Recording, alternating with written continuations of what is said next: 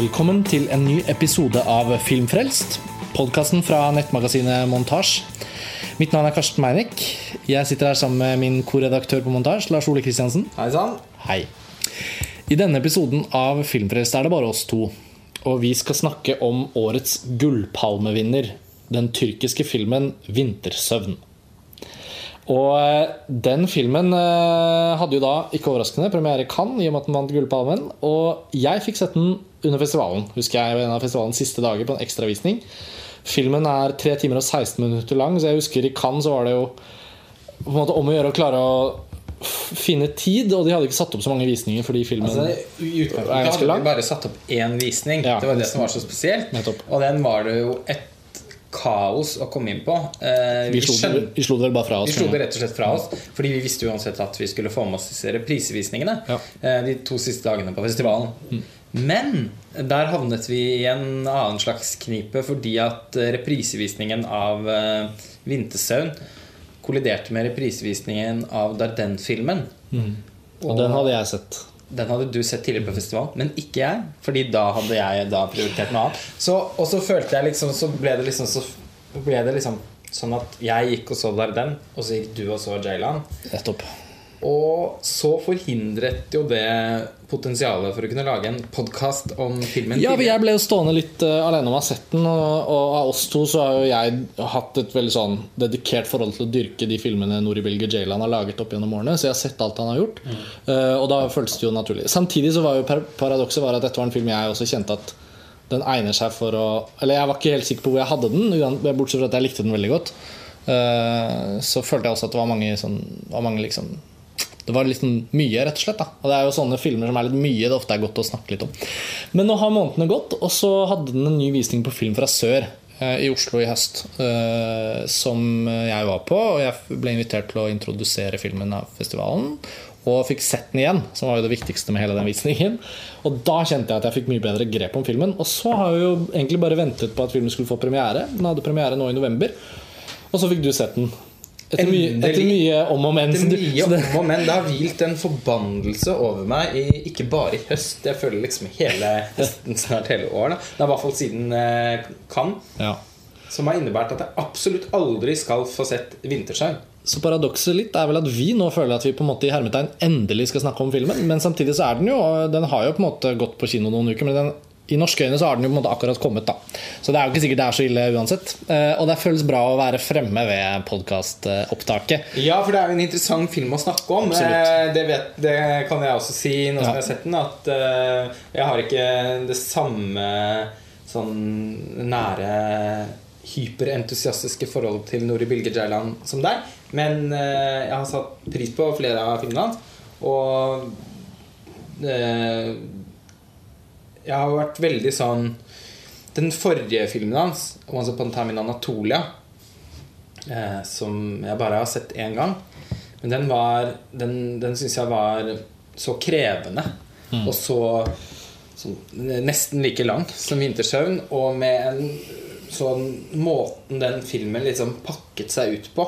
Det var såpass omstendelig.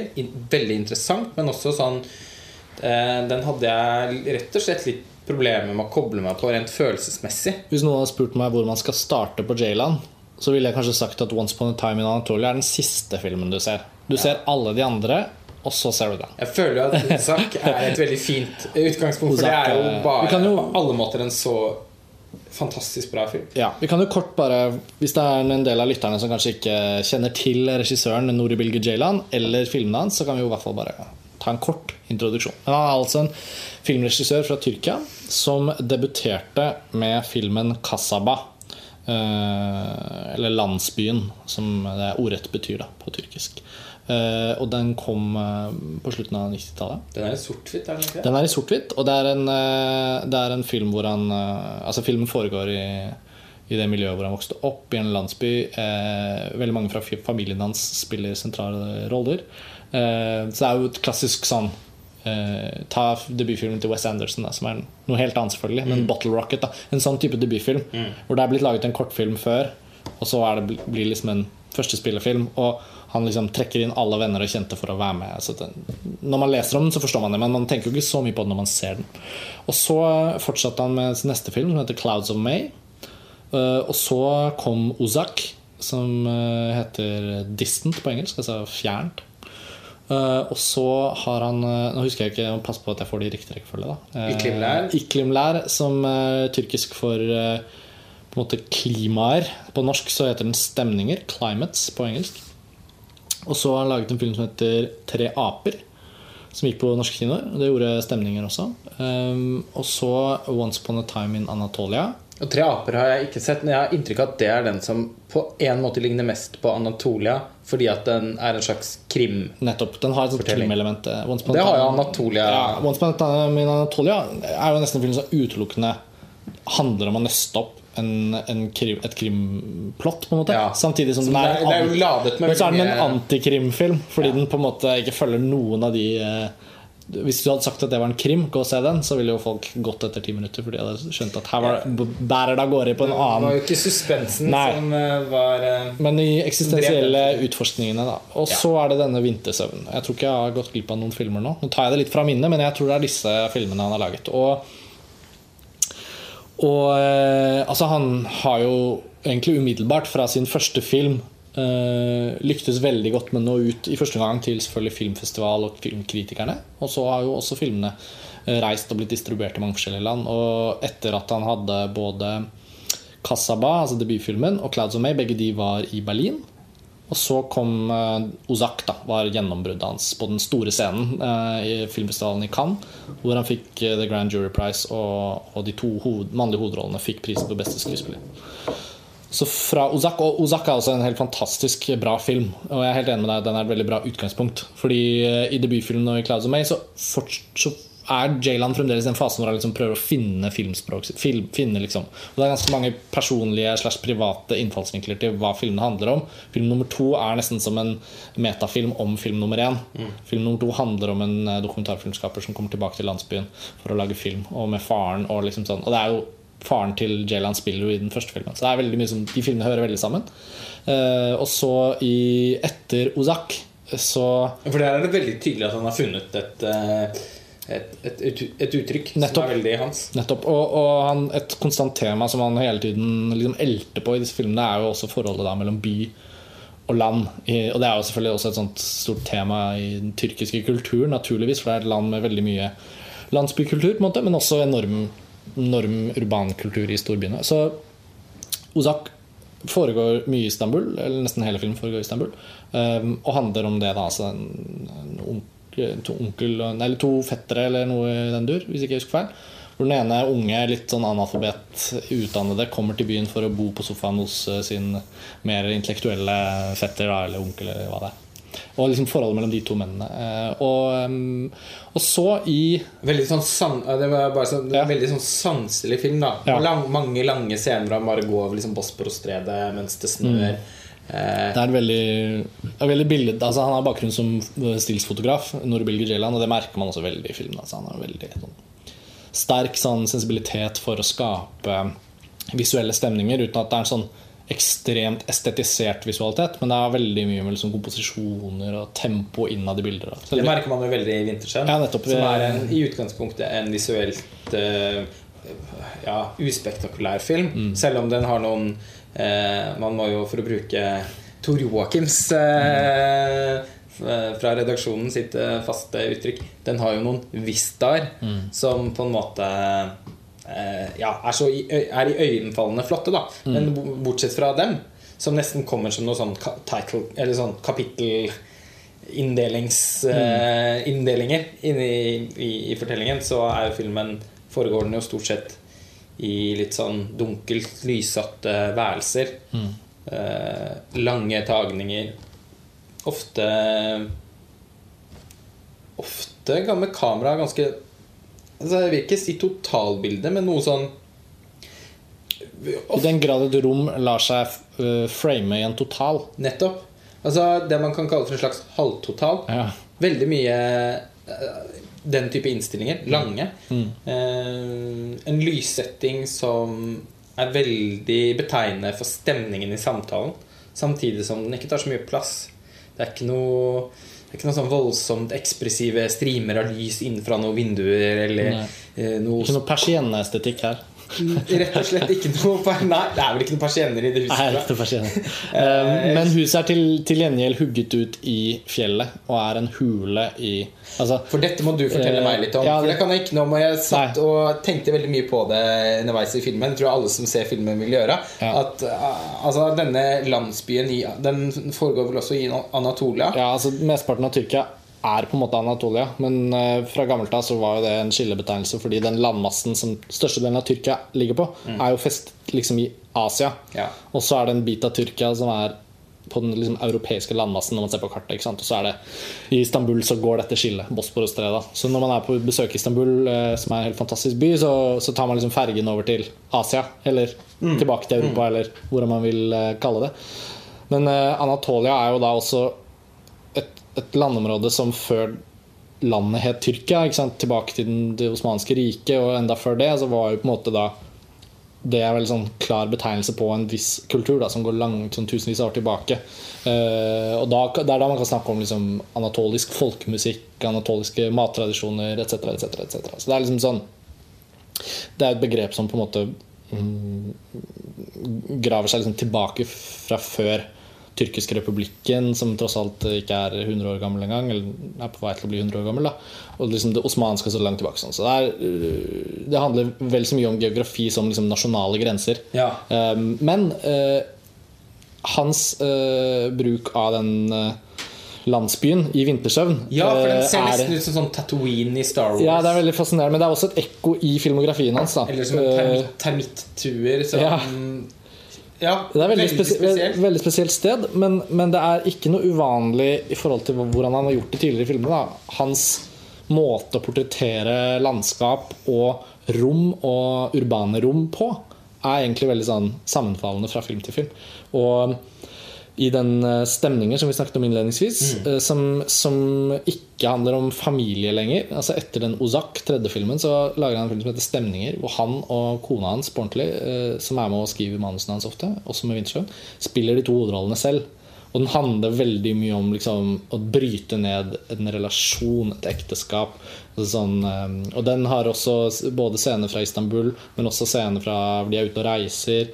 Hun har, jeg tror hun jobber som et eller annet med noen TV-program. Så liksom, skal ha noen opptaker liksom, ute på landsby. Så da er de også i sånne vakre, utrolig pittoreske landsbysteder. Da. Men gjerne når det snør, eller når det regner, eller når, når gatene er gjørmete. Sånn. Du får ikke en sånn så er, Jeg tror også Jaylan selv er veldig selvbevisst på at vakre steder kan bli for forskjønnede på film. Altså at filmskapere snubler i den tråden det er å være omgitt av vakre landskap. Og bare gjør det så vakkert de overhodet kan. Og han har snakket om det i forbindelse med vintersøvn. At, at eh, den romfølelsen og den eh, på en måte eh, landsbyens arkitektur var så perfekt i dette området at han kunne ikke unngå å bruke det var liksom perfekt. Det var et hotell der. Og det er liksom sånn, han, hovedpersonen i Vintersøvn driver da et hotell som han, liksom, han og søsteren har arvet fra faren. Da. Så de har liksom kommet hjem til landsbyen. Um, men så innså han at det er også så vakkert og spektakulært at han måtte presse seg selv til å unngå å portrettere det for alle sine skjønnheter. Da. Og det merker man litt i filmen nå. At liksom, selv om vi tidvis Selv om han trekker seg ut og lar rollefigurer gå langs veiene og stiene, og man skjønner at dette er et veldig flott og utrolig område. Og i filmen fins det jo små bifigurer som er turister, som kommer til noen japanere. Ja, så annet. Ja. Mm. Sånn at man kjenner jo på at det er noe veldig sånn vakkert og spesielt over det stedet. Og når man ser bygningen, så tenker man herregud, den er jo faktisk hugget ut i fjellet, og de bor der. Det er jo helt utrolig. Altså, bygningene Det er jo som sånn Det er sånn sånn hi. Mm. Altså, Altså, sånn- på den heter Vintersjøen, Ja. så, så er det virkelig som om liksom, de værelsene til. Som, som man Men metaforen om å trekke seg tilbake i hiet Ja. gjelder jo for hele denne filmen. På så mange plan. og, og rommene er liksom utformet på en måte som understreker det Ja. veldig fint. Ja. De er som sånne små hi. Og måten han bruker eksteriøren på, som han også gjør Åpningsbildet, f.eks. Sånn, eh, med denne røyken som kommer fra noe sånn gress mens solen skjærer gjennom. Altså sånn Jeg kom umiddelbart til å tenke på eh, Og Ingmar Bergman er jo en naturlig referanse for, film, for hele filmen. Jeg kom til å tenke på 'Hviskninger og rop', eh, og som, som er veldig betegnende for Bergman sin slags Hans nokså disiplinerte forhold til, til å bruke eh, eksteriører i kammerspill. Da. For 'Hviskning av rop' som, som per definisjon er et kammerspill. Så filmen åpner jo med noen helt sånn fantastisk vakre Tror jeg fortsatt det er de vakreste bildene jeg har sett av en park i soloppgang. Hvis det er en sjanger. Og øh, før den flytter seg inn på innsiden. Og er stort sett der, bortsett fra i noen tilbakeblikk så hvor, man liksom, hvor man får litt luft av den vakre parken Ja. eh, som herskapshuset som omringer herskapshuset. Men på innsiden så øh, og, og i hans film er jo, er jo huset som nesten som, som å være på innsiden av en veldig Som en kjempestor kropp. Med blod, på, blod og kjøtt og bein. Og, og det er noen som skal dø der. Og det er sånn Men eh, på en på en litt sånn På, på litt sånn på litt sånn samme måte, da, føler jeg jo eh, Jailan utnytter sin location og måten liksom værelsene er på, for å Ja. Jo, altså, og, og, og Bergman er jo en naturlig filmskaper å trekke inn når man, når man øh, om ikke noe annet prøver å plassere litt Jailand-filmene i en sånn større filmkultur. da Fordi på sett og vis så opplever jeg at de er veldig tyrkiske. Altså Han har noe med språk og, og, oppførsel og alt sånt som, som Jeg vet ikke. Det bare føles som om de har veldig mye med hvordan tyrkere er å gjøre, og kulturen i Tyrkia. Samtidig så, så ha, lager han filmer som For, for lytterne som ikke vet det, så er jo du også halvt tyrkisk. ja, faren min er fra Tyrkia. Jeg har ikke vokst opp i Tyrkia og ikke lært tyrkisk da jeg var liten, så jeg, jeg har liksom tilegnet meg følelsen av å tilhøre Tyrkia i voksen alder. Da. Så det, er en, det er en sånn nyanseforskjell som oppleves veldig viktig. For jeg tenker at Mange som vokser opp med en veldig sånn tydelig, artikulert følelse av å tilhøre et annet land, de, de har jo det liksom i blodet og i, og i pulsen sin. Mens for meg var det mer sånn i 20-årene så tenkte jeg at men faren min er jo faktisk fra Tyrkia. Jeg burde jo kunne i større grad liksom ha et forhold til Tyrkia. Hvis du skjønner hva jeg mener? Altså, det derre- jeg har jo litt rett til å liksom kunne snakke Ja. uh, morsomt med taxisjåfører når jeg er i Er i Berlin? Ja, i Berlin, eksempel. Så ja, sånn at, eh, og det har selvfølgelig også gjort meg hakket mer nysgjerrig på, på f.eks. tyrkisk film. Men det skal nå sies at eh, vanlige middelmådige tyrkiske filmer er som vanlige middelmådige norske filmer og østerrikske filmer. De kommer aldri utenfor landets grenser som regel. Sånn at Fordelen min har jo vært at Tyrkia har i den perioden hvor jeg har liksom gjort meg litt mer kjent med Tyrkia, så har jo både Fatih Akin, tysk-tyrkiske regissøren av 'Mot veggen' og den andre siden, og Nori Bilge Ceylan hatt veldig blomstring i, i sine karrierer. Sånn at akkurat parallelt med min prosess så kom jo mange av disse filmene altså sånn Ozak kom i 2002, og Stemninger kom noen år senere, og, og Tre aper og etc. Jeg har til og med sett en av filmene på kino i Istanbul uten, eh, uten undertekst, og hatt gleden av å prøve å grave meg forbi formuleringene i den grad jeg forstår litt tyrkisk. Da. Så i hvert fall, han har det der veldig sånn nasjonale, typisk tyrkiske, men samtidig så er det så lett å sammenligne med Bergman. Det er, Det så er lett å se ja, det er så lett å se båndene til, til eksistensiell eh, by-land-tematikk og alle mulige de der store spørsmålene som Jaylan helt åpenbart er veldig interessert i. Han er egentlig såpass interessert i dette at jeg tenker at han er ikke interessert i andre typer historier. Jeg tror ikke han kommer til å lage noe sånn hverdagslig. Altså Han kommer selvfølgelig til å skildre mennesker i hverdagslige situasjoner, men det han velger Som jo er tilfellet i Midtsjøen. Absolutt. Og, men, men samtidig så det han, det han er opptatt av å formidle på film, er da mennesker som i sin hverdag øh, snakker med hverandre, går løs på hverandre verbalt, hva, som, hva det skulle være som trengs for å havne i sånn eksistensielle øh, refleksjonsfaser. Ja. Eh, det er noe sånn, øh, altså sånn Fremmedgjortheten i seg selv liksom, I debutfilmen 'Kassaba', som jeg mener er den av alle filmene som ligner mest på 'Vintersøvn'. Er Den første og den siste filmen hans på det nåværende tidspunkt er de som ligner mest på hverandre. Selvfølgelig veldig forskjellige også, men Begge foregår i landsbyen, men begge handler veldig mye om livet som er der borte i storbyen, eller er der utenfor, eller som har vært. I Kasaba så er det mer at unge mennesker som på en måte ser for seg et liv eller et ønske om å reise ut og få til noe annet. Altså tanken om at de skal ut. Mens i Vintersjøen så har liksom alle kommet tilbake, på sett og vis. Altså, hovedpersonen er i midten av 60-årene. 65-66. Nå snakker jeg om vintersøvn. Nå kan vi jo liksom Da var vi ferdig med. Ja, um, vi ferdig med Em, vintersjøen. og gå litt sånn inn i vintersjøen. Og, og det må sies at uh, det er litt greit å vite hvem de forskjellige rollefigurene er, før vi begynner å diskutere filmen. Ja. Altså, Aydin, er det Aydin. Aydin er navnet på hovedpersonen. Han er en, en uh, intellektuell, ganske sofistikert person. I hvert fall i sine egne øyne. Ja, fordi Eh, det er veldig jo morsomt. Balansen mellom hvordan han anser seg selv, og hvordan andre anser han. mangel på noe konkurranse, på en måte, Ja. i sitt nærmiljø, så fremstår han som en sånn intellektuell ressurs. Ja. Og, og er det for seg selv. Han, filmen avslører jo på en måte litt sånn Ettersom lagene faller av løken, Ja. at, at han vel egentlig er bare en sånn helt middels vanlig, intelligent, nokså belest, oppegående person. Ja. Han har vært, eller er eller har vært skuespiller, så han har um, Men ikke helt mest amatørteaterproduksjoner. Men bodd i Istanbul, i hvert fall. ja, Sånn at han har på en måte den, Han har liksom kommet hjem fra livet der ute. Og da er det jo alltid sånn Som i alle land så vil man jo ha den, den mm, oppstillingen eh, av et slags Si at en person kommer tilbake i en virksomhetshistorie historie liksom fra byen eller fra Amerika eller fra Ja. det store utland, Ja, ja. og så hjem til der man kommer fra. Altså, jeg har jo bodd i New York i ti år, og jeg føler jo altså, Ja. det, det, Nettopp, altså, det er jo en egen sjanger eh, med, med, med folk. Og det bringer, i tillegg så er han veldig velstående, da. Ja, fordi han, altså Filmen starter ikke med at Han han kommer hjem. Filmen starter med at han bor i landsbyen, driver dette hotellet. Det hotellet er arvet fra hans far. Og hans søster har også flyttet hjem. Så, så disse to søsknene i 60-årene bor begge på liksom, hotellet og hotellets eiendom.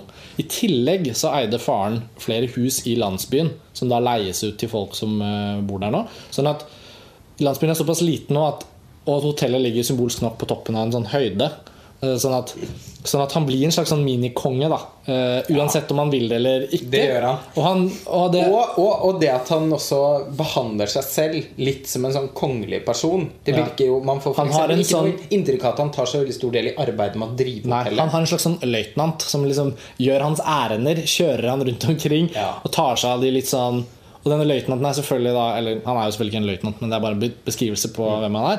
Men eh, en slags sånn assistentperson da som, som tar seg denne bryske oppførselen til leietagerne og liksom Og snakker på vegne av kongen, på en måte. Mm. Og kongen sitter borti jeepen og, og litt sånn mm, Ja, altså Det er ikke jeg som er slem, Nei, det er ikke jeg som er slem her. Nå må du være litt snillere med altså, sånn. Og det er så mye, det er så mye som er sånn Og det velobservert i den dynamikken der. Ja, og det at han da også kan sitte der og ha tid til å sitte og tenke, lese litt, Ja. bla i aviser Retningsløst forsøke å orientere seg i Ja. tidsånden. Ja. Eh, nedfelle dette i noen sikkert ganske middelmådige tekster på bakken sin. Det er et sånt fantastisk konsept i denne historien her som handler om denne hovedpersonens rolle som en slags sånn eh, em, spalteskribent for landsbyens jeg lokalavis. Noe av det morsomste Ja. i hele filmen. Han har altså en ukentlig spalte i lokalavisen, en, en avis det ikke virker som noen bryr seg om. Og han sitter eh, på liksom Og ikke, ikke i boligen, men på den eiendommen så,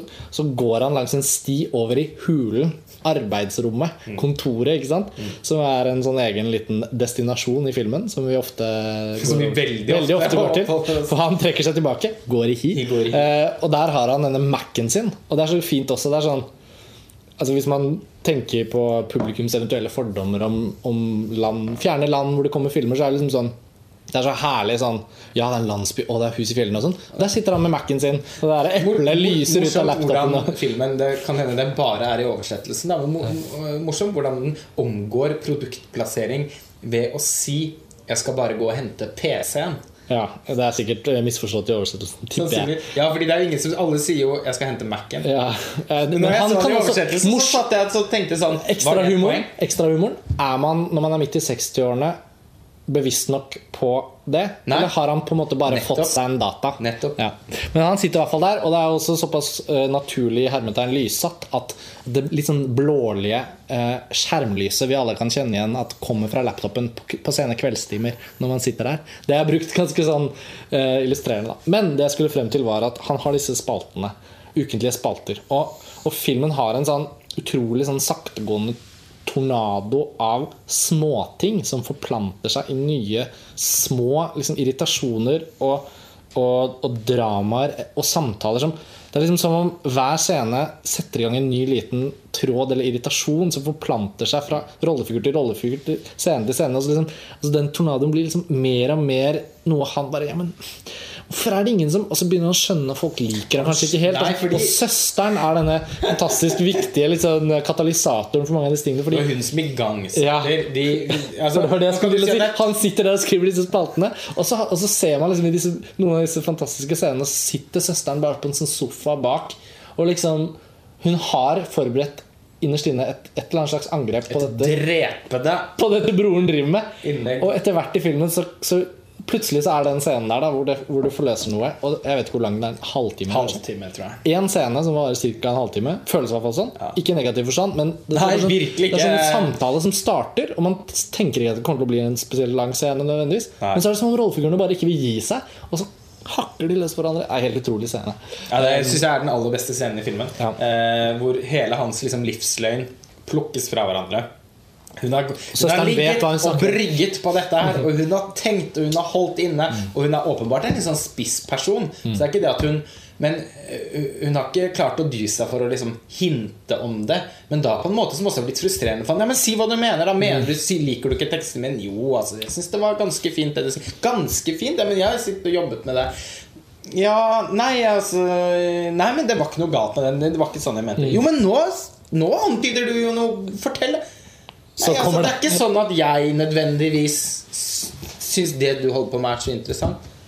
Men er, og så går han i forsvarsmot. Men det er det du holder på med, interessant? Og så Og da får man også en, viss, en ganske sterk sympati med han, fordi søsteren også er innbegrepet på en sånn person som ikke bidrar til noen ting selv. Bare som bare ligger og later seg eh, på, på sofaen og, og, og ser på TV og leser bøker Mm. og, og drikker te, som du sier, og, og selv på en måte ikke våger seg utpå eh, den, den, den, us, liksom, det, den ganske skumle marken det kan være da å, å skulle publisere noe eller Mm. skulle virkelig forsøke å mene noe om noe. Heve stemmen i samtalen. Nettopp. Når hun først gjør det, så er det med en sånn utrolig sånn spiss og litt sånn syresmakende sånn, men velfungerende retorikk. da For hun har jo ofte rett i observasjonene sine. Ja, hun har jo smert eh, og det, og, Men det at han også da Fordi at han Det som blir så bra med den scenen, er at det er ikke sånn Det er ikke sånn filmskrevet i den forstand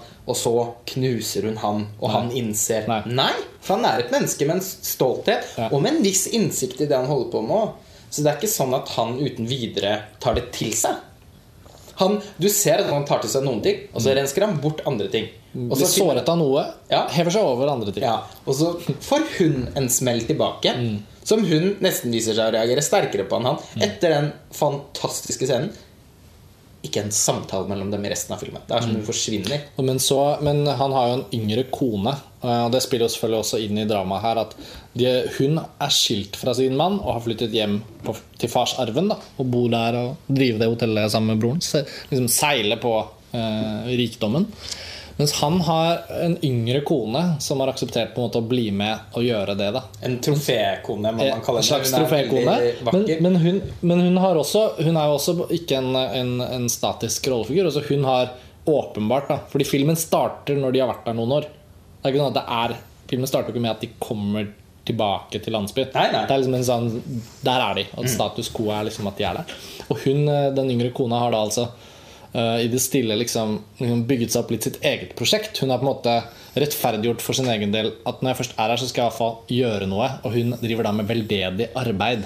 Det, Litt sånn som sånne kjendiskoner. ja, veldig. veldig. Og det er så treffende også. Og han irriterer seg ganske mye over det, for han syns jo på en måte det er noe sånn Det er noe sånn uekte over den øh, eh, Den virksomheten til kona. Samtidig så ser han jo at kona også får mer liv, livgivende aktiviteter ut av sin hverdag enn han får.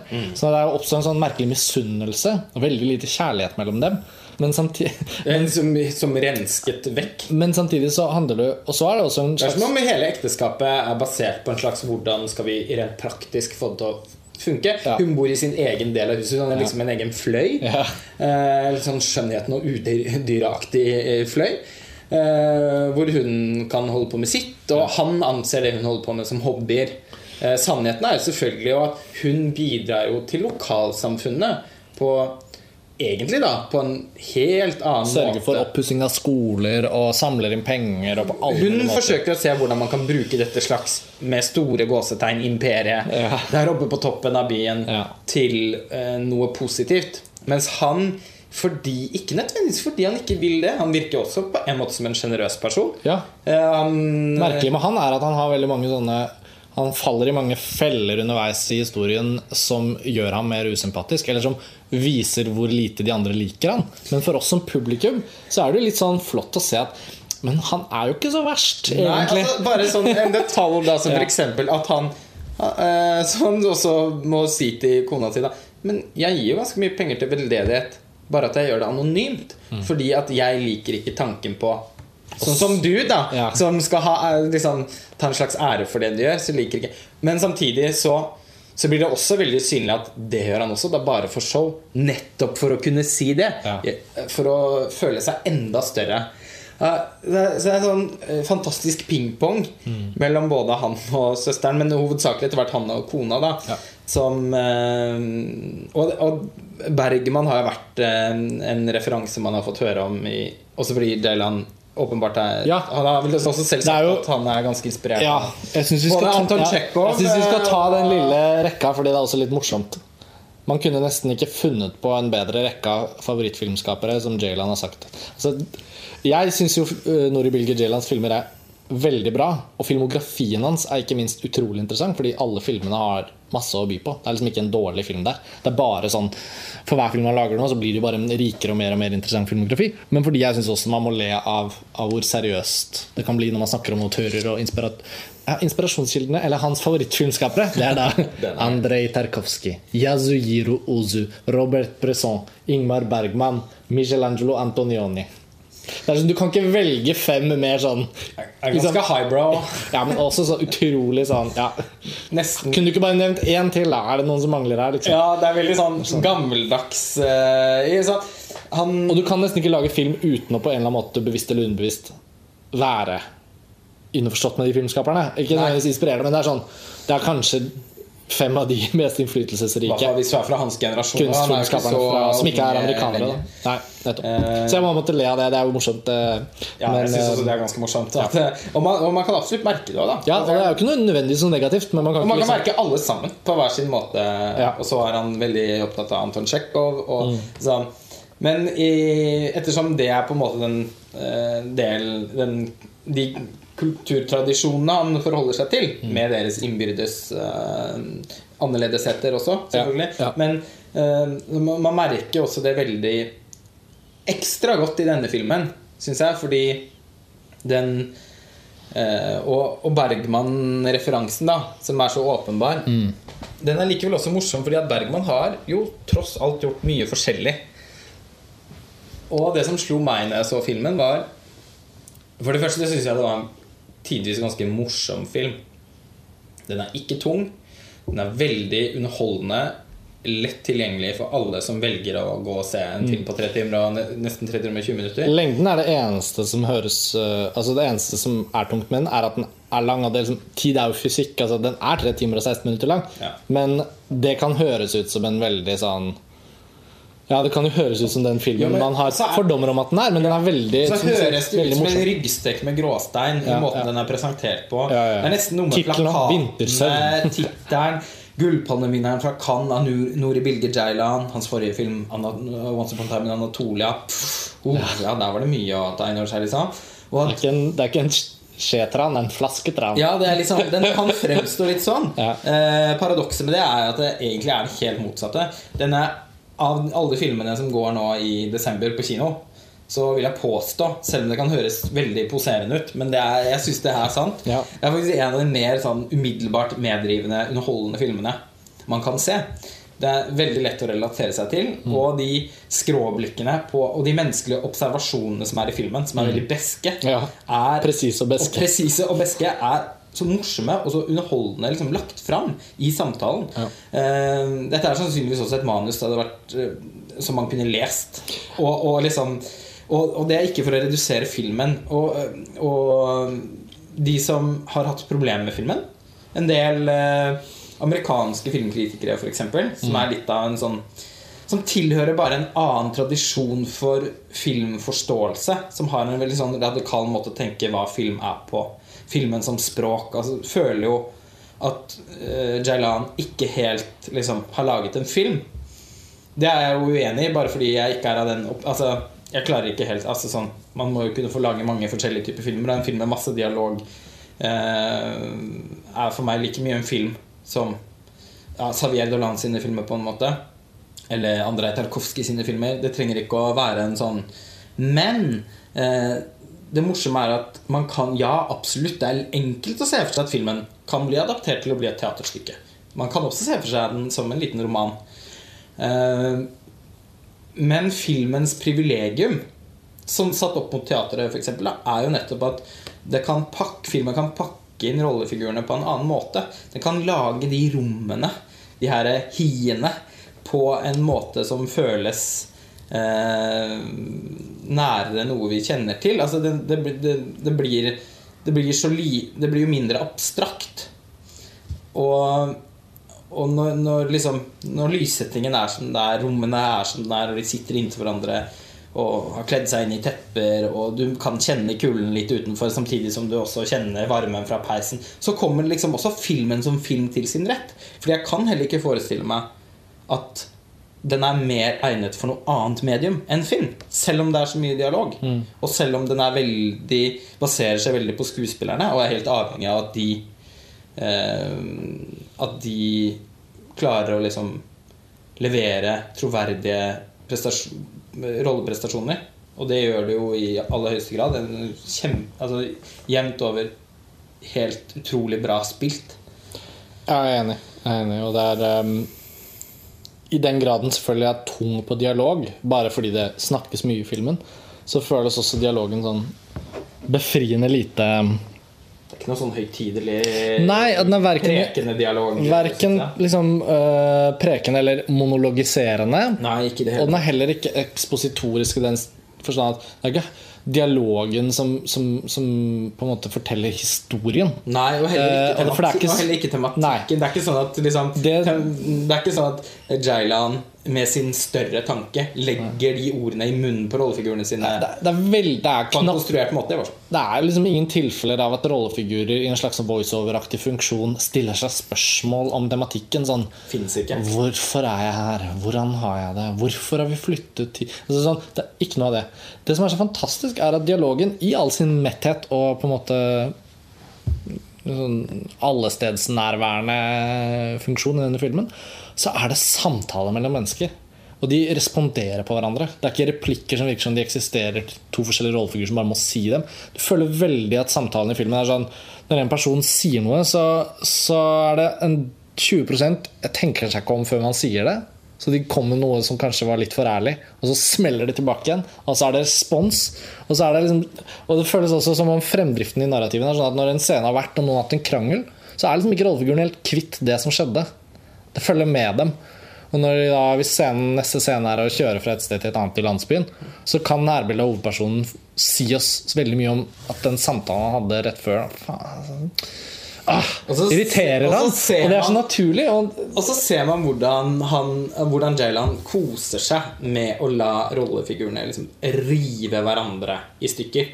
Ja. Eh, og, og det er jo i hvert fall noe jeg spesifikt forbinder med Ingmar Bergman. Mm. Og da ikke nødvendigvis altså En film som som noen har nevnt, i hvert fall er jo da scenen fra et ekteskap. Mm. Som jeg syns alltid blir referansen hvis det er noe med en ekteskapelig relasjon. Iklimlær er nok, eller den stemninger, er nok mer der. Ja, mm. men denne filmen, mm. eh, selv om Fordi den føles ikke helt som et ekteskapsdrama. Det er liksom Nei. ikke det han er såpass uinteressert i kona si som kone at, ja. at det har ikke helt med det å gjøre. Og, og det, det, er ikke liksom et samlivsportrett. Nei, nei, fordi filmen, filmen, har ikke de der opprivende erkjennelsene som rundt det. Um, den føles mye mer som eh, Bergman i et sånn Fanny og Alexander-modus. Hvor han putter liksom løsnese på noen arketyper og lar de få lov til å krige litt eh, seg imellom.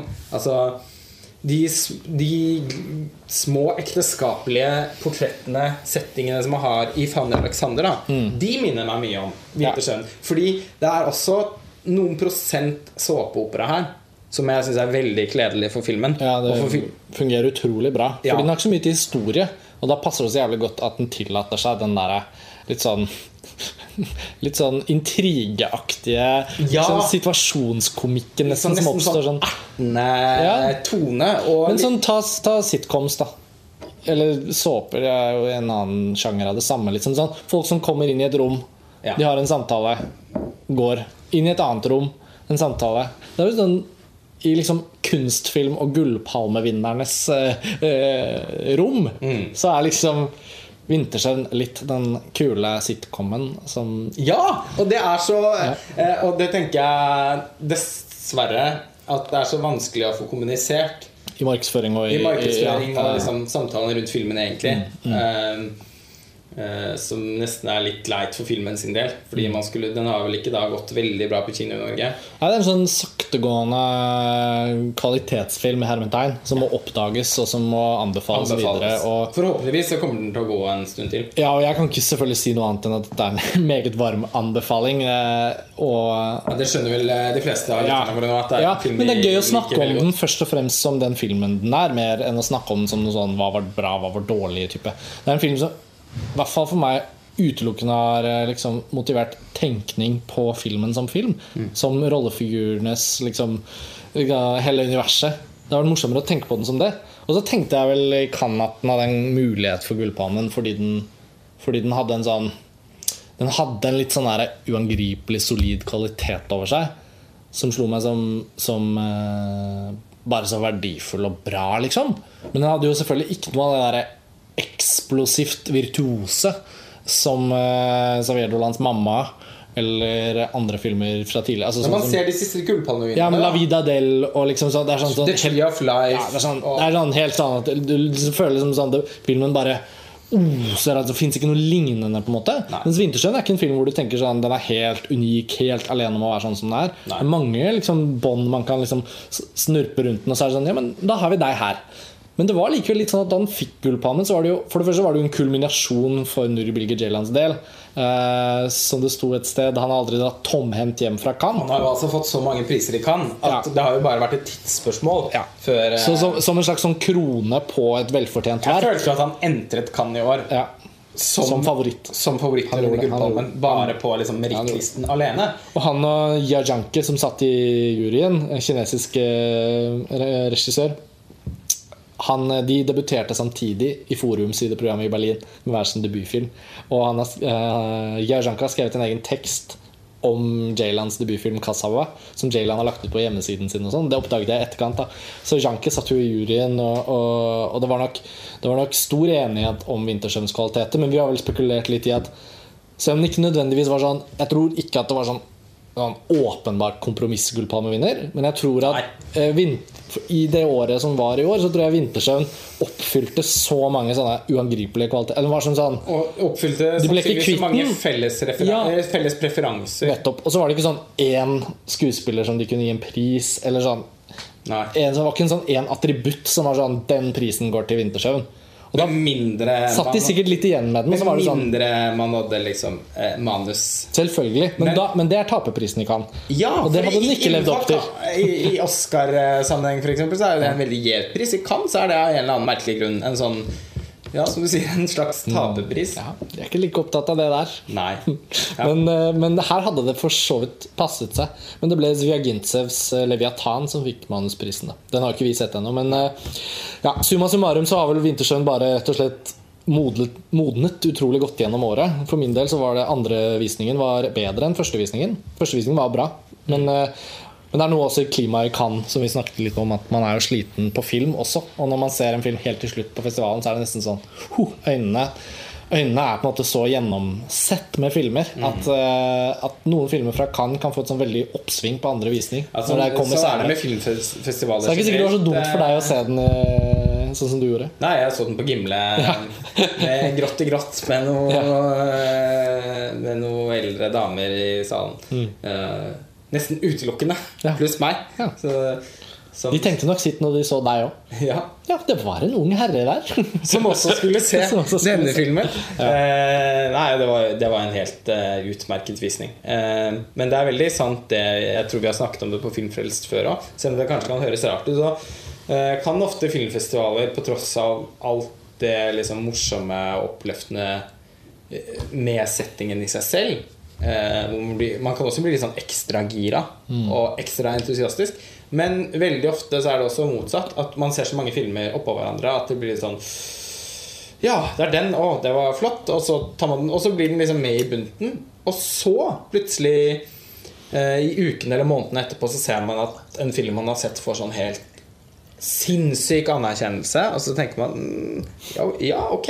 Det, altså, det, det var ikke sånn jeg opplevde det da. Og så blir det viktig å se filmen igjen. Boyhood, f.eks. Jeg skulle til å si det. Var det litt sånn du hadde det med Boyhood? Det var sånn jeg jeg, hadde det med Boyhood. jeg var jo ikke i- på Berlinalen i år, men jeg husker jo at du hadde sett den. For de som eventuelt uh, hører alle podkastene vi lager, så, så uh, Av podkasten om, eh, om eh, Boyhood fra Berlin i seg selv er vel ikke en uh, Syns jeg ikke var en høydare eh, uansett, fordi da husker jeg jeg var så febersyk at egentlig så var det liksom Skulle den kanselleres, men så ble det sånn Nei, vi kan, vi kan få det til. Episoden om Boyhood er kanskje en slags kuriositet, hvis man vender tilbake Ja, til den. eh, jeg vil anbefale å ikke gjøre det. Jeg men kunne man- men- skulle jeg likt å fjerne fra arkivet vårt. Men det er litt en egen sjanger også, for øvrig. Det der med å, å ta en prat eller en, skrive en artikkel om en film to ganger. Altså, det er nå engang sånn at Vi vet jo det veldig veldig godt, som jobber med alle disse listene. Nå har det vært 90-tallslisten og tidligere også 00-tallslisten og andre lister. Så liksom er det, er det noe med at ved å gå tilbake til en film, om det er for andre gang eller femte gang eller tiende gang, så vil det alltid være liksom reevalueringer som er vel så interessante som tanken om en sånn objektiv engangsevaluering. Vi er jo også generelt litt opptatt av å se filmene vi syns er interessante flere ganger. Ja, jeg Fordi sånn for- erfaringen tilsier at det kan ha veldig mye å si. Og for Boyd sin del så kan det jo være vel så morsomt å bare akseptere eksistensen av førstereaksjonen fra Berlin, og også situasjonen som Ja, åpenbart ja, var i også- Berlin. Og så og- muligheten til å kunne den filmen har liksom dukket opp i samtalen også vet jeg på podkasten noen ganger opp gjennom, eh, gjennom året. Hvor jeg også har liksom gjerne uttrykt at ja, men altså, Var den så god? Var den virkelig så fantastisk? Vært eh, forsøkt å på en måte kaste ut noen eh, Noen tilløp til en diskusjon da, Mm. om, om den. Eh, men så fikk jeg jo sett filmen igjen. Jeg gikk, dro alene på Ringen kino en søndag for eh, en ukes tid siden og så filmen på nytt. Og hadde en helt annen opplevelse enn den jeg hadde når jeg så den klokken åtte om, eller ni om morgenen i Berlin. Og fortsatt, jeg likte den jo veldig godt der òg. Så Ja. var ikke det det sto på. Det, var bare, men det, var, det er dette eh, skillelinjen mellom en veldig god film, vellykket innenfor sine rammer, spennende prosjekt, og dette løftet.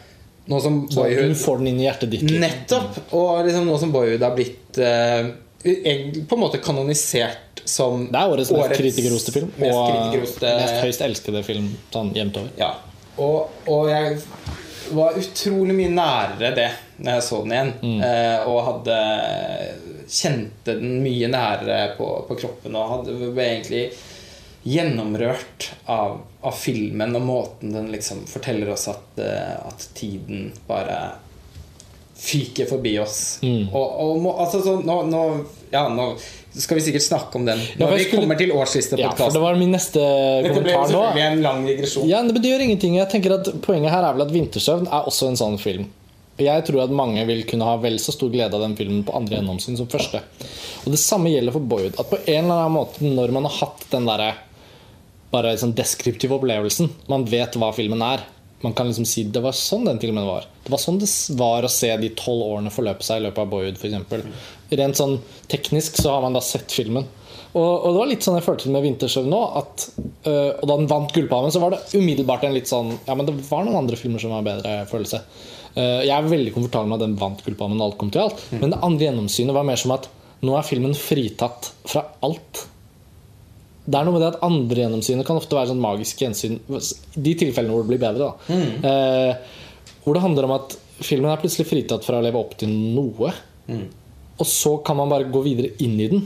Uh, og det er det jeg tenker for med Boyhood, men, men der er, parallellen ligger litt der. At begge de filmene er såpass rikt liksom fylt opp med tanker og innhold.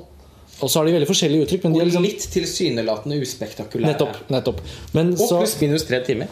Ja, sånn at der er det, der er det mange ting å, å trekke Og så er de helt, uf, uh, Ja, altså helt forskjellige. Ja, så uforenlige Ja, ellers, men- ja.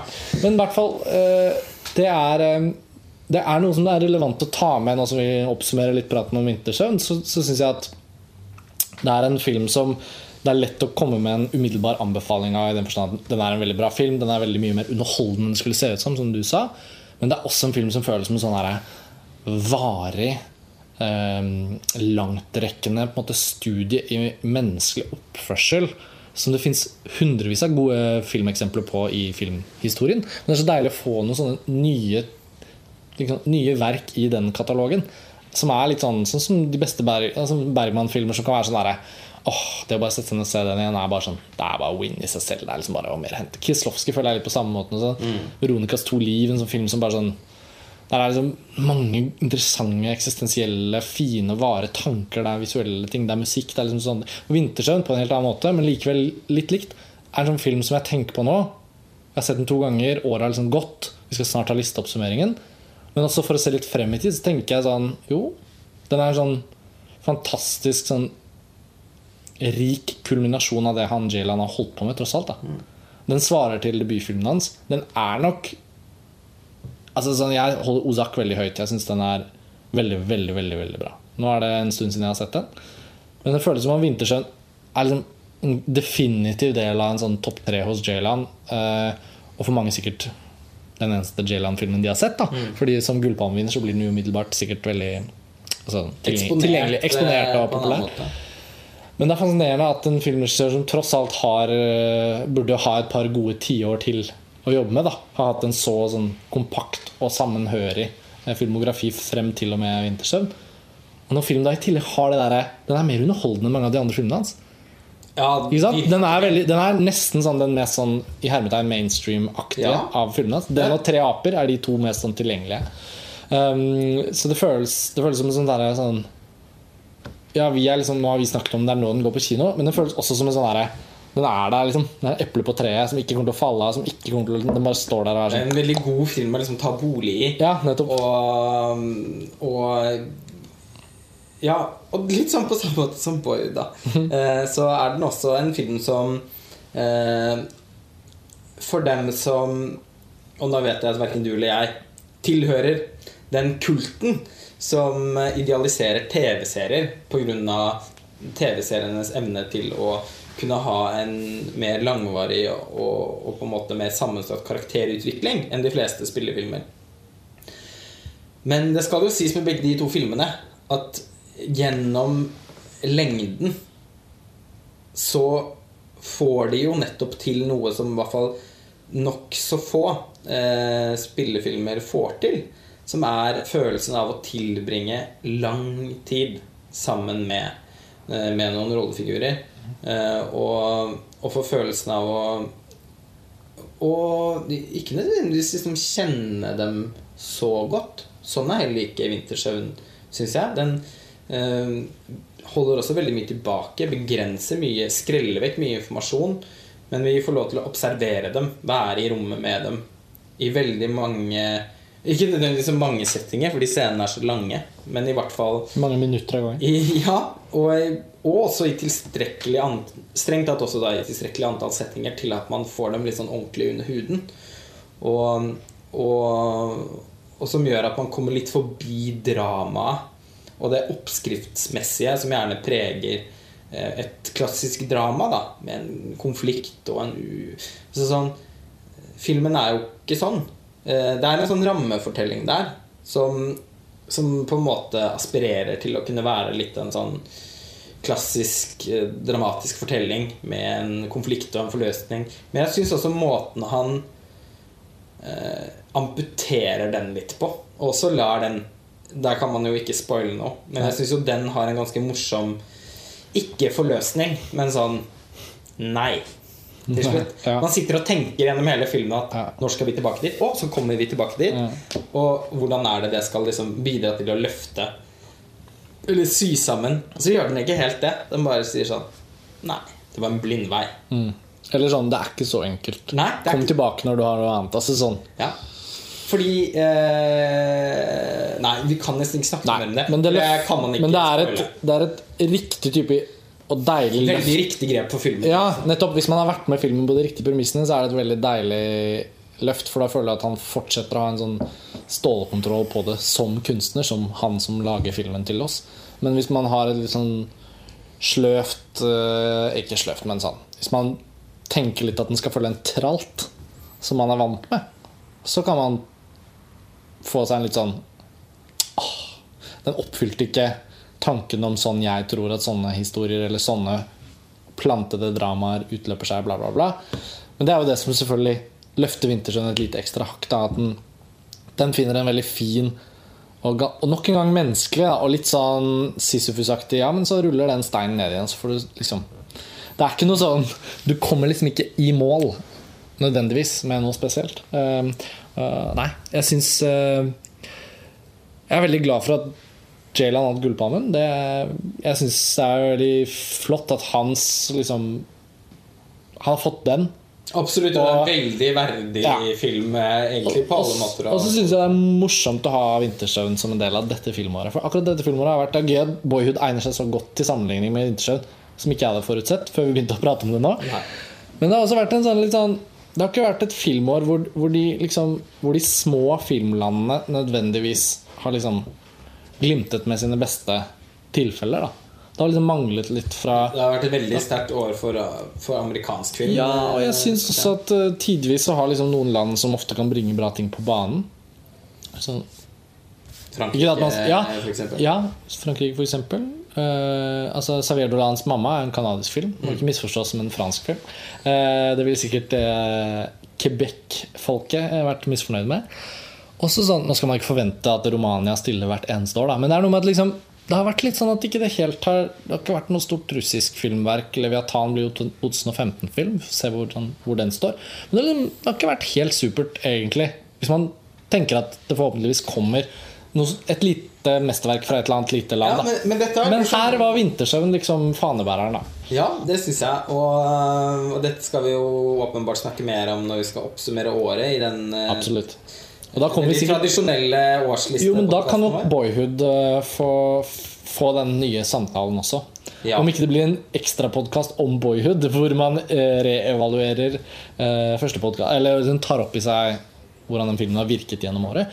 Så er det i hvert fall eh, mulighet på topplistepodkasten. Forutsatt at noen har den på topplistene sine. Da. Men det får vi jo anta at både Boyhood og Vintersjøen sikkert er kandidater til noen sånne opp topplisteplasseringer. Det vil jeg i aller høyeste grad anta. Og Vi to avslører dog ingenting. Vi avslører ingenting. Eh, men, eh, men, men at Såpass tror jeg vi kan avsløre fordi det har vært så opp i dagen på montasje ellers. Mm. At for, for oss i hvert fall så er det mange av de amerikanske filmskaperne som vi setter veldig høyt, som har levert veldig interessante ting i år. Mm. Og som gjør at det blir naturlig, syns jeg, å snakke om at det har vært et veldig sterkt år for amerikansk eh, film. Absolutt. Så det var en slags bro over til topplistepodkasten. Denne runden Det blir ikke den neste podkasten engang. Nei, det blir jo ikke det. Blir den Det går siste podkasten om 90-tallets beste filmer. Det går i sikksakk mellom 90-tallet, kontemporære kinoaktuelle filmer som 'Vintersøvn' og da topplistepodkast. Det nærmer seg. Men vi er i desember. Vintersjøen går på kino. Det er romjulstid og mange gode anledninger til å komme seg på kino. Vi anbefaler denne varmt. Og, og om du hører på podkasten eh, langt frem i tid, så er forhåpentligvis Vintersjøen tilgjengelig enten på eh, video on demand eller på DVD.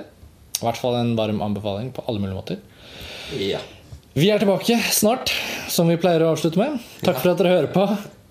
Lars Ole, takk for eh, nå. Takk for nå. Eh, For oss er jo dette også et litt sånt god jul-øyeblikk, så til våre lyttere også, hvis noen hører på dette umiddelbart, god jul. God jul.